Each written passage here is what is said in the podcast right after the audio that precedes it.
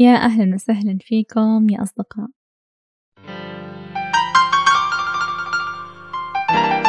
أنا وجدان زعوي أصنع لكم بودكاست هنا.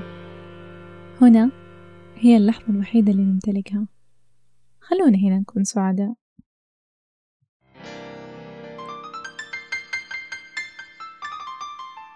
أكثر شي واجهته الفترة اللي راحت هو تحدي طلب المساعدة من الآخرين. عشان كذا عنوان حلقتنا اليوم حيكون كيف ومتى؟ ممكن تطلب المساعدة من الآخرين. اكتشفت خلال هذه الرحلة قد إيش نحن نخاف نطلب المساعدة. بس ما عمري سمعت أحد قال إنها تندرج تحت أكثر الأشياء اللي يهابها الآخرين زي التحدث أمام الجمهور أو الخوف من المرض أو الموت. خليني أسألكم هذا السؤال. كم مرة آه، اتصلت بشخص تعرفه أو حتى أرسلت له رسالة على الإس إم إس أو الواتساب وقلت له بهذا الوضوح السلام عليكم كيف حالك؟ أنا أحتاج مساعدتك اليوم بخصوص الموضوع الفلاني. إذا تقدر اتصل بي. كم مرة تفتكروا وانتوا صغار قبل ما يكون في جوالات وجي بي إس؟ لما كنتوا رايحين مشوار لأول مرة وأبوكم أو أخوكم ضيع الطريق وكان يرفض بشكل قوي إنه يطلب أحد يدله على الطريق. أكيد كثير. هل سمعتوا قبل كده عن مصطلح وهم الشفافية؟ واللي أساسه الاعتقاد الخاطئ بأن أفكارنا ومشاعرنا واحتياجاتنا واضحة للناس. رغم أنه ذلك غير صحيح إلا أننا ما زلنا نؤمن به. نحن غالبا نجلس وننتظر من اللي حواليننا إنهم يلاحظوا حاجتنا ومن بعدها يعرضوا أن يساعدوننا من تلقاء أنفسهم. هذا افتراض يا أصدقائي خيالي وما له أي أساس حقيقي. بكل بساطة يا أصدقائي إذا كنت تحتاج للمساعدة يجب عليك أن تطلبها بصوت مسموع وبشكل واضح جدا. من خلال تجربتي في العيش هنا في أستراليا تعلمت حاجات جدا مهمة وقاسية بهذا الموضوع. أفتكر المرة الأولى اللي ساعدت فيها سيدة كان عندها أطفال مرة كتير وعربيتين والموضوع يعني كان حوسة.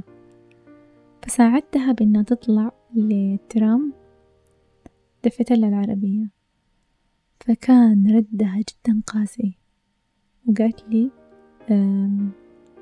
أرجوكي لا تمسكي أنا لا أحتاج المساعدة.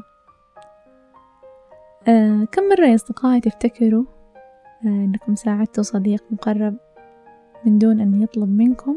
وكان رد الجميل حقه النكران. في هذه الحلقة حشارككم ثلاثة أشياء لازم تسووها قبل ما تطلبوا المساعدة عشان تحظوا بفرصة مساعدة أكبر. أول شيء أهم شيء لما تطلب المساعدة خليك دقيق جدا حول نوع المساعدة اللي تحتاجها. وبلاش الطلبات الغامضة نوع الطلبات الغير مباشر في الحقيقة لا تساعد الشخص اللي حيساعدك. زي لما تقولي لصاحبتك أنا تعبانة من أطفالي نفسي أحد ياخدهم يوم وأروح وأرتاح وأسوي لي مساج. طيب ماذا لو قلتي لها بشكل واضح ودقيق؟ يا صديقتي هل ممكن تمسكي أولادي يوم الأحد من الساعة تمانية للساعة خمسة المساء؟ أبغى أرتاح وأروق وأسوي لي مساج. تستحوا صح؟ تستحوا تطلبوا هذا الطلب بشكل واضح. إنه المفروض أصدقائنا وأهلنا يفهموا إنه نحن نحتاج المساعدة ونحتاج إنه نرتاح فهم يعني. طيب مثال آخر أواجهه كل يوم آه على الإنستغرام أو الإيميل. تجيني رسائل من أصدقائي المتابعين ويكون عنوان الرسالة أهلا وجدان ممكن أسألك سؤال أو أطلب منك طلب.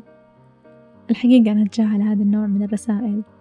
مو لأني إنسانة شريرة وما أحب أرد على المتابعين لا لأني أنا ما أعرف أنت إيش تبغى ولا أعرف طلبك وأقدر أستشف من هذه الرسالة إنك شخص غير واضح وما تعرف إيش تبغى. النصيحة الثانية يا أصدقائي تجنبوا الاعتذارات الزائدة. زي لما تيجي تطلبوا من أحد حاجة وقبلها تقولوا له أنا آسف وأكرر جدا أسفي وأنا ما أبغى أزعجك ومعليش على هذا الطلب. أه وكمان نقول أحيانا إذا كان عندي أي وسيلة إني أسويها بدون مساعدتك حسويها. الناس حريصين جدا إنهم يثبتوا لأنفسهم وللآخر ليسوا ضعفاء وطماعين عندما يطلبون المساعدة.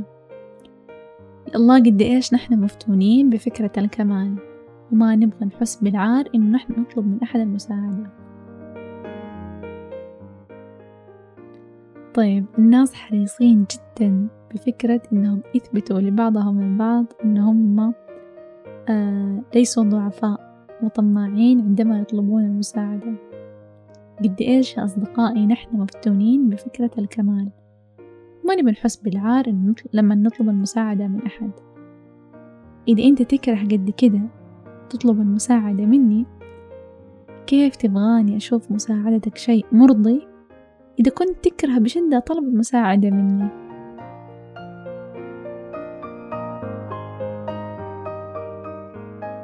طيب يا أصدقائي أنا أؤمن أن مساعدة بعضنا البعض هو في الواقع جزء طبيعي من العلاقات. إذا طلبت المساعدة من أحد وقمت بإدخال الحوافز مقابل هذه المساعدة اللي حيصير إنك ستبدأ بالشعور بأنها ليست علاقة إنها صفقة إنك تطلب من أعز أصدقائك إنه يساعدك في نقل عفش البيت مثلا وتقول له آه، حاطيك فلوس أو حسوي لك صينية بسبوسة. فتجنبوا آه، إنكم تسووا هذا الشيء. القاعدة الثالثة والأخيرة اللي حاب أختم بيها لا تطلب المساعدة من خلال الرسائل.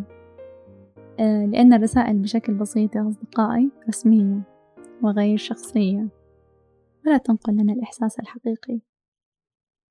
لما تبغى مساعدة أحد اتصل على طول.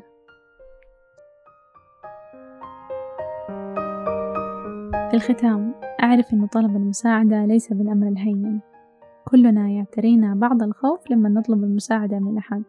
طلب المساعدة يا أصدقائي أوقات كثيرة يحسسنا بالضعف. لكن في الحقيقة يا أصدقائي واقع العمل والحياة المزدحمة تتمثل في أنه لا أحد يقوم بذلك بمفرده ما في أحد حينجح لوحده. أكثر من أي وقت فات. يجب علينا الاعتماد على الآخرين على دعمهم وتعاونهم حتى نكون ناجحين. عشان كذا لما تحتاج للمساعدة اطلبها بصوت مسموع. ولما تسوي هذا الشيء أحرص على أن تقوم به بطريقة تسمح لك بزيادة فرصتك في الحصول على نعم كإجابة. إحساس العطاء يا أصدقائي لا يضاهيه إحساس. تبادل المشاعر الطيبة مهم جدا لاستمرار طاقتنا الإيجابية. رسالة لكل أحد حيسمع البودكاست هذا. إذا كنت تحتاج أحد يسلي على قلبك يطبطب على قلبك يخرجك من الوحدة اللي أنت فيها تشرب معاه كوب من القهوة وتفضفض له أو حتى تطلب منه مساعدة بدنية. إنه ينظف لك البيت أو يمسك لك أولادك أو حتى يحل لك واجباتك. أطلبه بكل وضوح من اللي حوالينك وتفاجأ بكمية العطاء. هذه الحياة ما ينفع نعيشها لوحدنا. نحن موجودين هذه الحياة عشان نتشارك وعشان نساعد بعض وعشان ندعم بعض. لا تنسى في نهاية المطاف لما تتلقى المساعدة إنك تشكر بحب وتمتن بكرم. على كل المساعدات الطيبة اللي حصل هذا كل اللي عندي لليوم. أشوفكم على خير. في أمان الله.